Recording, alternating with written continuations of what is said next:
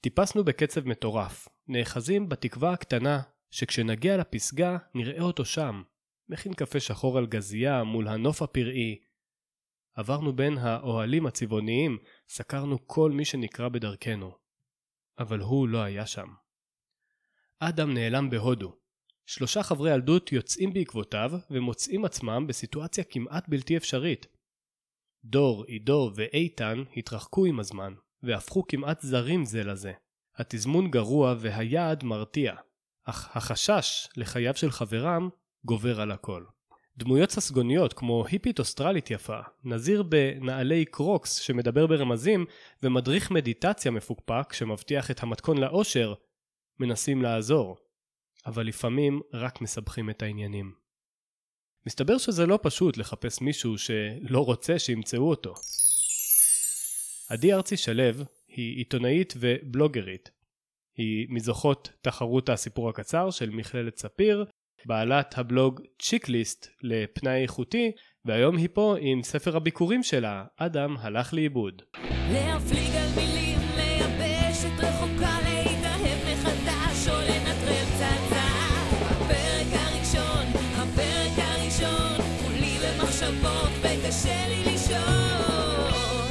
הפרק הראשון, הסכת הספרים העברי, בהנחיית תמיר מנדובסקי. אהלן עדי. שלום שלום. מה נשמע?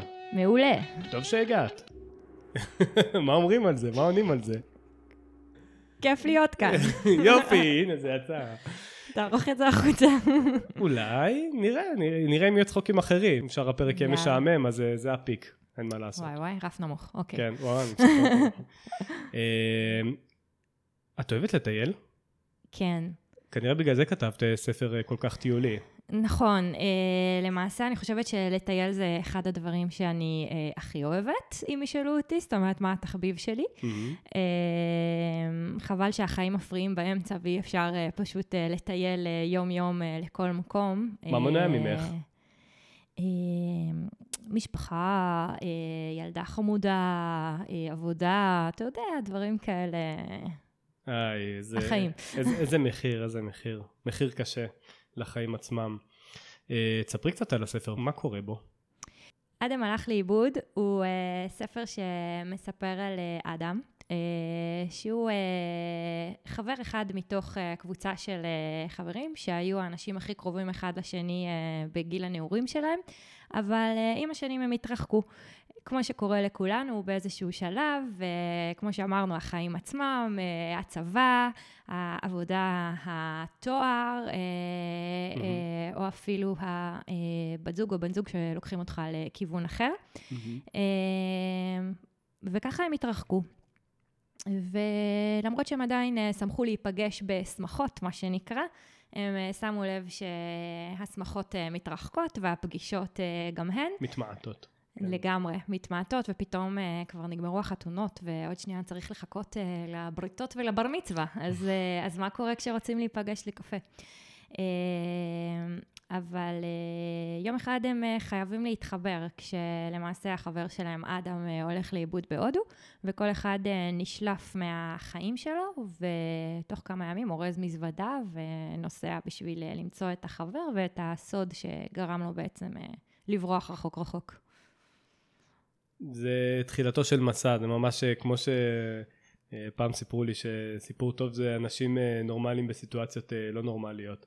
זה מסע שנכפה עליהם. מה משותף ל... למסע בעצם, לטיול ו... ו... ולמסע הכתיבה? את יכולה למצוא איזה שהם קווי דמיון? כן, בטיול האחרון שטיילתי לאירופה, אני חושבת זה היה, זה היה דווקא טיול קצר של איזה שבוע, וישבנו באיזה מסעדה, לא הכי טובה שהיינו בה ולא הכי פחות טובה, אה, סתם איזה ערב בינוני כזה. Mm-hmm. ודווקא אז אני זוכרת שהייתה לי איזושהי אה, תובנה לגבי טיול ולגבי מסעות ולגבי איך אה, טיול הוא כאילו איזושהי השוואה לחיים שלך. Uh, אני לא זוכרת בדיוק את התובנה הזאת, כי זה היה uh, לפני עידן ועידנים, כבר הפעם האחרונה ההיא שהייתי בה בחו"ל, אבל uh, זה הלך משהו כמו ש... גם בטיול וגם בחיים כדאי לתכנן, אבל הכי כיף זה לדעת לפעמים גם להיות מופתע, לתת לפעמים לאנשים שאתה פוגש בדרך להפתיע אותך, ובעיקר לסטות מהשבילים. גם בטיולים שלי אני מאוד אוהבת לתכנן, אני יכולה לסגור כל רגע נתון בכל יום מתוך החמישה או שבעה ימים או חודש שאני נמצאת. Mm-hmm. אבל אחד התענוגות הגדולים זה באמת ללכת בשביל הלא נודע. ואני חושבת שזה איזשהו, אה, איזושהי תובנה גם לגבי החיים ובעיקר לגבי הכתיבה. כי כשאני התחלתי לכתוב את הספר הזה, היה לי איזשהו ציור של מסלול מסוים, אה, אבל המסלול הזה אה, התפתל מאוד, והיו מהמורות בדרך, והיו אבנים קטנות, והיו פסגות גבוהות, והיו עמקים נמוכים, וזה מסע שלא יכולתי לצפות אותו. אמ, ודייקתי אותו בכל צעד וכל צעד. אה, לא, לא, לא יכולתי לדעת מה הצעד הבא עד שהגעתי לאותו צעד. אמ, זהו, נראה לי ככה זה גם בטיול וגם בחיים. כשהתחלת לכתוב את הספר, את ידעת מה הולך, מה הולך להיות התוצר הסופי? את דמיינת לעצמך ש... ש... שזה מה שיצא? אני עכשיו, אני, אני, מה שהצופים לא רואים זה שאני מחזיק ביד את הספר. דמיינת לעצמך ש... אה, שתגיעי לספר באורך מלא? או שזה התחיל אה. בתור איזשהו שרבוט כזה? אמ, אני ידעתי שאני אגיע לאורך מלא, אבל זה לא מבטיח את הטיב. זאת אומרת, זה שיש לך 55 או 57 אלף מילה לא מבטיח את הטיב של הספר והעלילה שלו, שזה משהו שגיליתי במהלך השמונה או עשרה או חמישים סבבי עריכה שהעברתי אותו. אמ, וככל שדייקתי אותו, הוא באמת אה, דמה לתוצאה הסופית שרציתי ולערכים ולמסקנות שרציתי להעביר בו, ואני יכולה להגיד שבהתחלה, הטיוטה הראשונה, ממש לא קרובה לספר שאתה מחזיק ביד. והדבר הכי קרוב שהיה לי זה השם, איכשהו תמיד קראו לספר הזה אדם הלך לאיבוד, אה, כי זה גם על החבר אדם שהולך לאיבוד, וגם על אה, בעצם אה, מסע, מסע חיפוש אה, אישי, שכל אחד עובר אה, בחיים שלו. אני תהיתי עד כמה הדו-משמעות של, של, של שם הספר היא מכוונת. כן, היא מאוד מכוונת, וגם כל אחת מהדמויות בסיפור עוברת מסע אישי משלה, שהוא מסע שונה, כל אחד עובר את המסע האישי שלו בדרך למצוא את אדם. זהו, זה בערך הדבר היחיד שהיה לי. גם את הכריכה לא הייתה לי. אה, הכריכה היה אחד הדברים שהכי נהניתי מהתהליך שלהם. כריכה יפהפייה, אני, סליחה שאני קוטע אותך, אני רוצה רק אה, לתאר אותה למאזינים. אה, ספר צהוב, צבע מאוד יפה, שרואים עליו קוף עם משקפי שמש, יושב על גדר ואוכל טפו צ'יפס. עם, עם הדגלים, הדגלים האלה שיש... דגלים טיבטיים. כן, בדיוק, דגלים טיבטיים, יש אותם המון בהודו ובנפאל. ממש מי שהיה בהודו יבין מה זה הקוף שאוכל טפו צ'יפס, אה, וזהו, תמשיכי, כן, סליחה. אה, זהו, אז סתם, האמת שזה דווקא תהליך מעניין, אז אני אספר למאזיננו. ידעתי שהספר שלי יהיה מאויר, לא יודעת למה. אמרו לי שזה סיכון, כי אדם הלך לאיבוד יכול להישמע כמו ספר ילדים, ואם את עושה כריכה מאוירת, בכלל את מסתכנת. אבל אני ידעתי שזה יהיה בסדר. בחרתי מאיירת ראשונה, שהייתה נפלאה. אבל באמת, זה יצא קצת כמו ספר ילדים, משהו באיור שלה היה קצת אה, ילדותי. Mm-hmm. ואז חיפשתי עוד מאיירת, והגעתי למאיירת שהעירה לי את הספר, גילי דוד, ופשוט כל העבודות שלה היו נראות לי מגניבות, כמו איזה משהו שאפשר אה, לתלות בפאב הכי מגניב בתל אביב, ברלין או אמסטרדם. כל מיני כרזות כאלה, שלדעתי יום אחד היא עוד תמכור אותם במיליונים. אה, וזהו, וידעתי שהיא תאייר לי, וידעתי שאיזה סצנה שלא נמצא מהספר, זה יצא מגניב, וזה ידבר לקהל היעד. וזה לא, זה לא ילדותי, זה מדבר, אני חושבת, לקהל יעד שלי. מגניב. זה... דיברת מקודם על זה שהספר עבר הרבה מאוד סבבים, זה באמת אה, אה, אולי המקום להגיד שהספר יצא בהוצאה עצמית, בעצם בהוצאה, בהוצאת ארצ'יק, mm-hmm. שזו את. תס, תספרי קצת את הטלטלות שעובר אה, אה, מי שמוציא לאור עצמאית ב, ב, בישראל. אה, אז אה, קודם כל בחרתי עורך טוב, אבל אה, זה לא, זה לא הספיק לי. אה, ואני באמת רציתי לוודא שהספר אה, ברמה הכי הכי גבוהה שיכולה להיות, אה, ש, שממש לא ישימו לב אה, אם זה יצא באחת ההוצאות הגדולות או בהוצאה שלי. אה, ועשיתי מאמצים בשביל זה. אה, קוראי הבטא הראשונים שלי היו אה, בערך שמונה או עשרה מהמעגל הראשון, ואומרים בדרך כלל שאסור לתת את הספר שלך לדודה ולאימא ולאח, כי הם... נחמדים. נחמדים מדי. אבל בגלל שיש לי דודה שהיא מורה לספרות, ודודה שהיא מנהלת תיכון עם ספרייה של חדר שלם שכל פעותיו מלאות ספרים, אמרתי שאולי זה דווקא יהיה בסדר. אבל עדיין הם היו נחמדים. היה להם הערות טובות, אבל הם היו באמת נחמדים מדי. ולכן... לא בסדר. באמת לא בסדר. מה, מה, מה ביקשתי? שתהיו... מרושעים. מרושעים קצת, מה קרה? Uh, זהו, אז, uh, אז הלכתי על עוד שני קוראי בטא. זה אחת מקורות הבטא הנפלאות שלי הייתה uh, רעות אסתר. רעות אסתר סוקרת, מהאינסטגרם, אני מכיר אותה. נכון, נכון. כן, מפורסמת, אוקיי.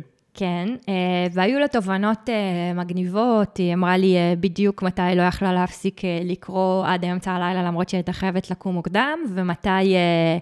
ומתי לא, ומתי למשל את המשפט הזה נורא כדאי להעביר לפרק אחר, או משהו כזה. Mm-hmm. זה היה נחמד. והקורא בית השני שלי, קוראים לו איציק חדד, הוא סופר שכבר הוציא חמישה ספרים. אני והוא נמצאים בסלון יצירה. זה כזה, אנחנו נפגשים כמה uh, יוצרים, uh, כותבים, עיתונאים, סופרים, בבית צורפות שלו. וזהו, אנחנו כותבים ומנתחים אחד את השני. מקסים. כן, זה נורא נחמד. אה, גם בדרך כלל יש אה, ערק וזה, אני פחות חובבת, אבל כל השאר אה, הם מעיפים שם צ'ייסרים. כן, נותן הרבה מוזה. זה...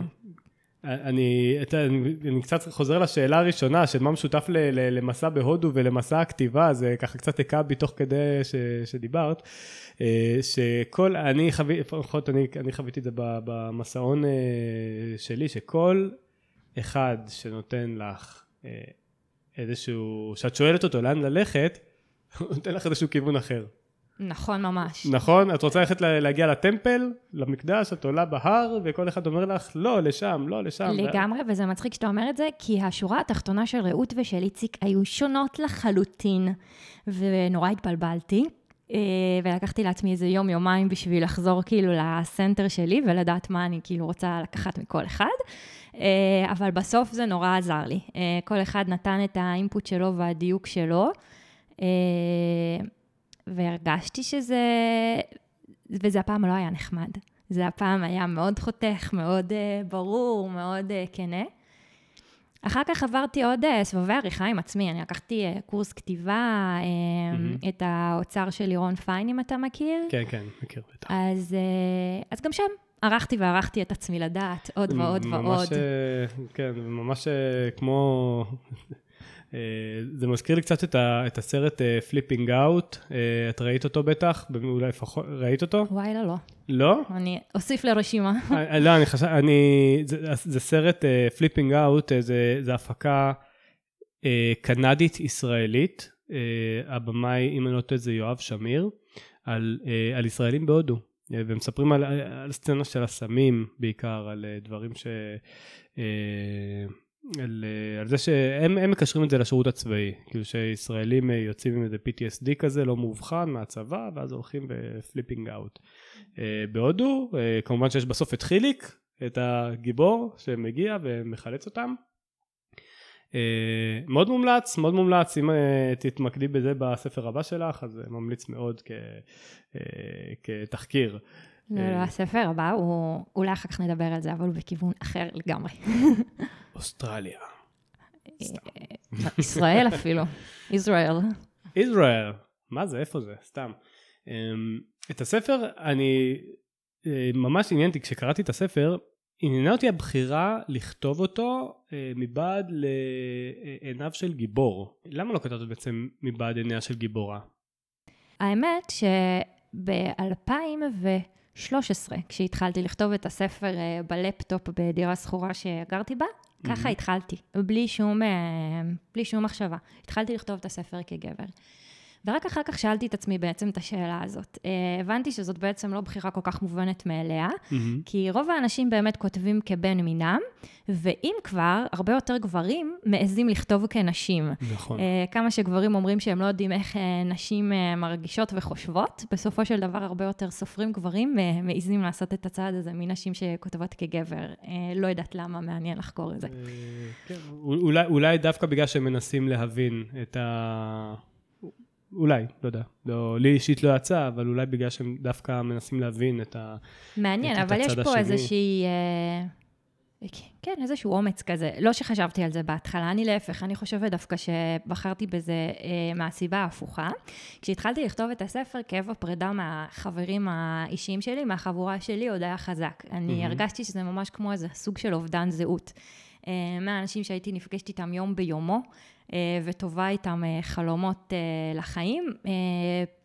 באמת, לא נפגשים יותר, כל אחד יש לו את החיים שלו, עסוקים, גם אני עסוקה, אפילו אין לי, אין לי על מי, אין לי, אין לי למי להתלונן, כי גם אני עסוקה וגם הם עסוקים, וזה הדבר שהכי העציב אותי, שלא קרה אפילו שום דבר, לא רבנו, סתם ניתוק כזה.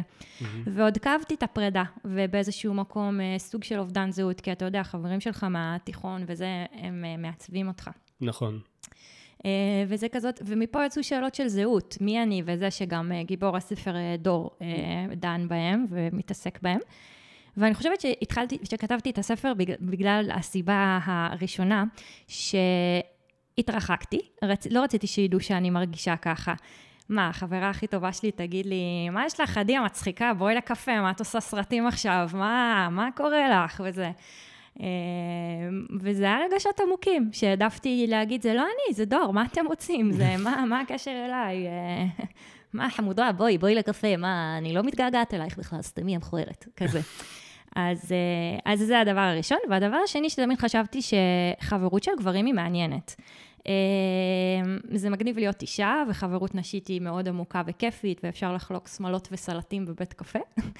אבל אה, חברות של גברים תמיד נראית לי אמיצה ומאוד כנה, ומצד אחד קלילה ולא מתאמצת, ומצד שני מאוד מחייבת. Uh, החבר הכי טוב של אה, בעלי מהתיכון הוא עדיין החבר הכי טוב שלו, והם מתגלגלים לאותה אוניברסיטה ולגור ביחד, ולאותה חברת סטארט-אפ, ולעבור לאותה, לחברה אחרת נוספת. כאילו איכשהו החיים שלהם נורא שזורים זה בזה. והכל קורה בצורה מאוד אגבית כזו בטח, זה לא, זה לא שהם תכננו. כן, אחד מתחיל בחברה הזאת, מושך את השני, השני עובר חברה, איכשהו פתאום גם ההוא מצטרף אליו חודש אחרי, כאילו נורא אה, זה. ו... וחשבתי שזה וזה נחמד, וכשהם צוחקים אחד על השני, אם שמת לב, הספר הוא מלא בכל מיני שנינויות וכל מיני מכות כאלה מתחת לחגורה, אבל גברים לוקחים את זה פחות קשה, וזה היה נחמד אה, להיות כאילו כגבר בחבורה של גברים, כאחת שכותבת את, ה, את הספר, ולהשתולל בכל מיני אה, עקיצות, בלי שיהיה להם השלכות, כמו, כמו שאצל נשים לפעמים זה, זה קצת אחרת. נכון, כן, גם מי, מי שיקרא את הספר אה, יזכה לראות אה, מבטים מאוד מאוד, אה, אה, איך אני אקרא לזה, אה, בוחנים, אה, רג, ר, רמות, ר, נקרא לזה רגישויות, אה, רזולוציות מאוד מאוד אה, גבוהות של אה, דינמיקה קבוצתית, של אה, חברויות, של שיחות, של צחוקים. אה, מאוד מאוד, אה, ב- ב- זו נקודה מאוד מאוד אה, חזקה של, אה, של הספר. אה, אני מניח שאת אה, טיילת בהודו. כן, ואגב, מה שאתה אומר, אני שמחה ששמת לב, כי זה היה חשוב לי. רציתי, רציתי שמי שיקרא ירגיש שהוא מטייל בתוך חבורה, ובאמת, אה, אחת הביקורות אה, של אה, סוקרת ספרים הייתה שהיא הרגישה שהם החברים שלה, והיא רוצה לטייל איתם, ולקח לה זמן להיזכר שהם דמויות והם לא קיימים. והיא סיכמה באופס, באסה, נזכרתי שהם דמויות. וואלה, ממש טיפול פסיכולוגי אחרי חוויה כזו. כן, כן, לא יודעת, היא הרגישה. איתם, היא הרגישה שהיא מטיילת איתם, ומבחינתה לקנות כרטיסים לטיול הבא, ואז היא נזכרה שהם דמויות. אה, תהייה שעלתה לי במהלך הקריאה של הספר באותו, באותו עניין של השאלה הקודמת, זה אה, זה של למה בחרת בעצם לכתוב את זה כנקודת מבטו של גבר, כי אני יודע בתור מי שטייל בהודו, שחוויית הטיול בהודו אה, בתור, בתור אישה ובתור גבר היא מאוד מאוד שונה. אה, יש, אה, יש איזשהו, איזשהו פחד. אה, לפחות ממה שאני אה, חוויתי אה, מנשים שדיברתי איתם שם, כאילו להסתובב שם, להסתובב לבד זה לא נעים כל כך. אה, נכון, אני טועה. אה, נגעתי בזה בנקודה ממש ממש קטנה בספר. אה, אה, הצחיק אותי כאישה המוסכמות החברתיות השונות. אני למדתי בתואר תקשורת וסוציולוגיה אנתרופולוגיה, אז היה מאוד קל לפגוש את זה שם. בהודו הקודים התרבותיים של הלבוש הם שונים מלמשל בישראל ובעולם המערבי. אמ, לא מקובל שם להראות את אה, עצמות הבריח, אבל מאוד מקובל להראות את, את כל הבטן. הבטן והפופיק בחוץ. נכון. אה, ולא משנה בת כמה את או מה מידת הבגדים שלך, אה, כולם חושפות שם פופיקים בסבבה שלהם. זה לא נחשב חושפני. זה לא נחשב חושפני, ועצמות בריח או כתפיים הם משהו מאוד מעורר. אז, אה, אז זה משהו ש, שאני זוכרת שהתייחסתי אליו, שזה הצחיק אותי, ש, שפתאום ללבוש אה, גופייה, זה כאילו אני, לא יודעת מה, לובשת איזה משהו חושפני מדי, אה, טוב. ושזה נורא פשוט משתנה בקודים התרבותיים. אז הייתי ערה לזה. אמ, והייתי ערה לזה מהבחינה שזה מעצבן בתור אה, אישה, שהתרבות מחליטה בשבילך אה, מה הגיוני ומה לא. זאת אומרת, אה, איכשהו, הגברים בהודו החליטו שעצמות בריח זה, זה נורא סקסי, אז לא מקובל לשים שם... כן, אבל, אבל התרבות מחליטה בשבילך בכל מקום. נניח פה בישראל... אם בא לי ללכת אה, עם חבר אה, יד ביד ברחוב, אז אה, ישר יחשבו אותנו כ- כזוג אה, רומנטי, בזמן שבהודו שני חברים הולכים ברחוב. אך טבעי שהם ייתנו יד, מה זאת אומרת? נכון, או ישבו אחד על השני במונית שירות, כי נכון. אין, אה, אין מספיק כיסאות, אז בוא תשב עליי. כן, זה ברור, כאילו מבחינתם זה ברור. אה, זה, זה משחק את שני הכיוונים. נכון, אבל uh, לשאלתך, בערך במקומות האלה אני יותר שמתי לב uh, להבדלים הבין-תרבותיים. Uh, אישית, לא היו לי יותר מדי חוויות של פחד או משהו כזה. סתם כי כאילו אני לא חיה ככה את החיים שלי. כאילו אני לא, רוב הזמן לא פוחדת. אני מניח שגם הסתובבת ברוב הזמן, או בכל הזמן בחבורות. הסתובבתי בחברות, הסתובבתי גם עם בן זוג. אני מניח בגלל שכתבת על זה ספר. הסתובבתי גם עם בן זוג, mm-hmm. למעשה, וגם הסתובבנו אה, במקומות נעימים, כאילו לא, לא יותר מדי אה, בערים הגדולות, או ב...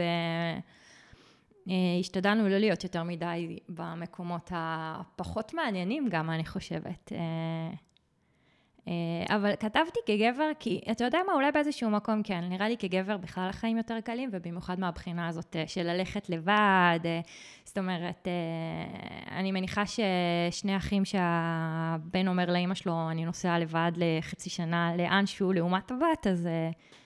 אז שוב, קודים תרבותיים, אבל... A-B טסטינג מדויק. כן, בדיוק. אז, אז האמא תחשוש פחות לבנה. לא יודעת למה, ככה זה.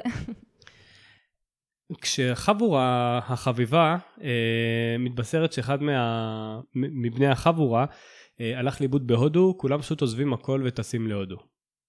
זה לא מדע בדיוני, אנחנו ראינו את זה כבר בתרבות, לפחות אני ראיתי את זה כמה פעמים אה, פה בישראל. אה, זה לא מובן מאליו.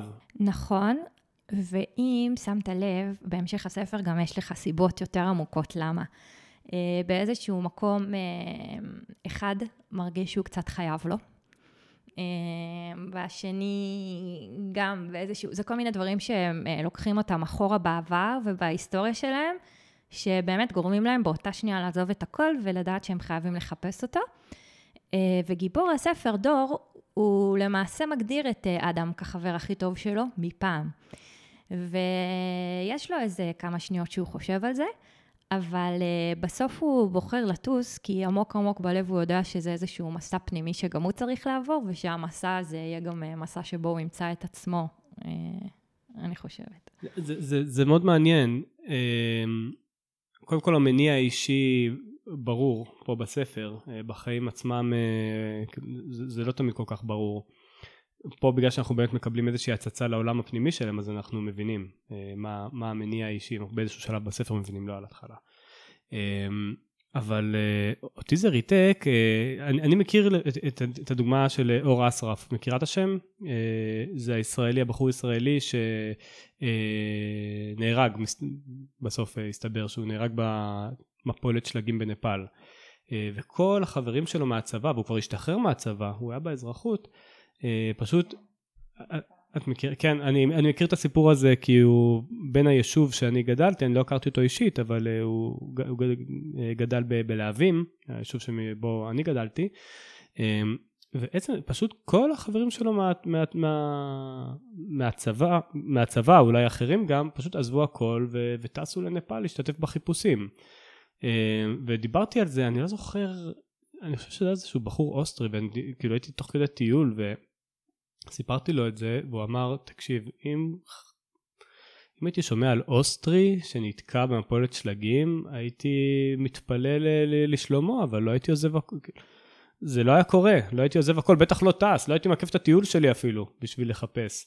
אה, אני גם בטיול, כשאני טיילתי בדרום אמריקה, בעברי הרחוק, אה, אני גם זוכר שהיה פעם אחת איזשהו ישראלי הסתבך ואנשים עצרו את הטיול. זה, זה, זה, זה משהו שהוא נראה לך ייחודי ל, ל, ל, לישראליות, ל, לתרבות שלנו, לשבטיות שלנו? אני חושבת שאולי כן, אולי באמת כן כל ישראל ערבים, וגם אפילו הכנסתי את זה איזה פעם אחת בספר. נכון. אה, כי, כי יש קטע כזה, כי אם אתה כבר נמצא במקום נורא רחוק בעולם, באיזה כפר נידח, ויש לך בעיה, אז העשרה ישראלים שנמצאים איתך יעזרו לך, אני חושבת. והחבדניק יתאבד בשבילך, והחבדניק יתאבד בשבילך. אבל אתה נוגע בנקודה מעניינת, כי באמת אה, אמרו לי שזה ספר מאוד ישראלי, ו... ויכול להיות שזאת חבורה מאוד ישראלית. אה, ובאמת, בתקציר הספר אני בחרתי לכתוב, אה, הספר שואל את השאלה, כמה רחוק חברים מהעבר ילכו בשביל מישהו?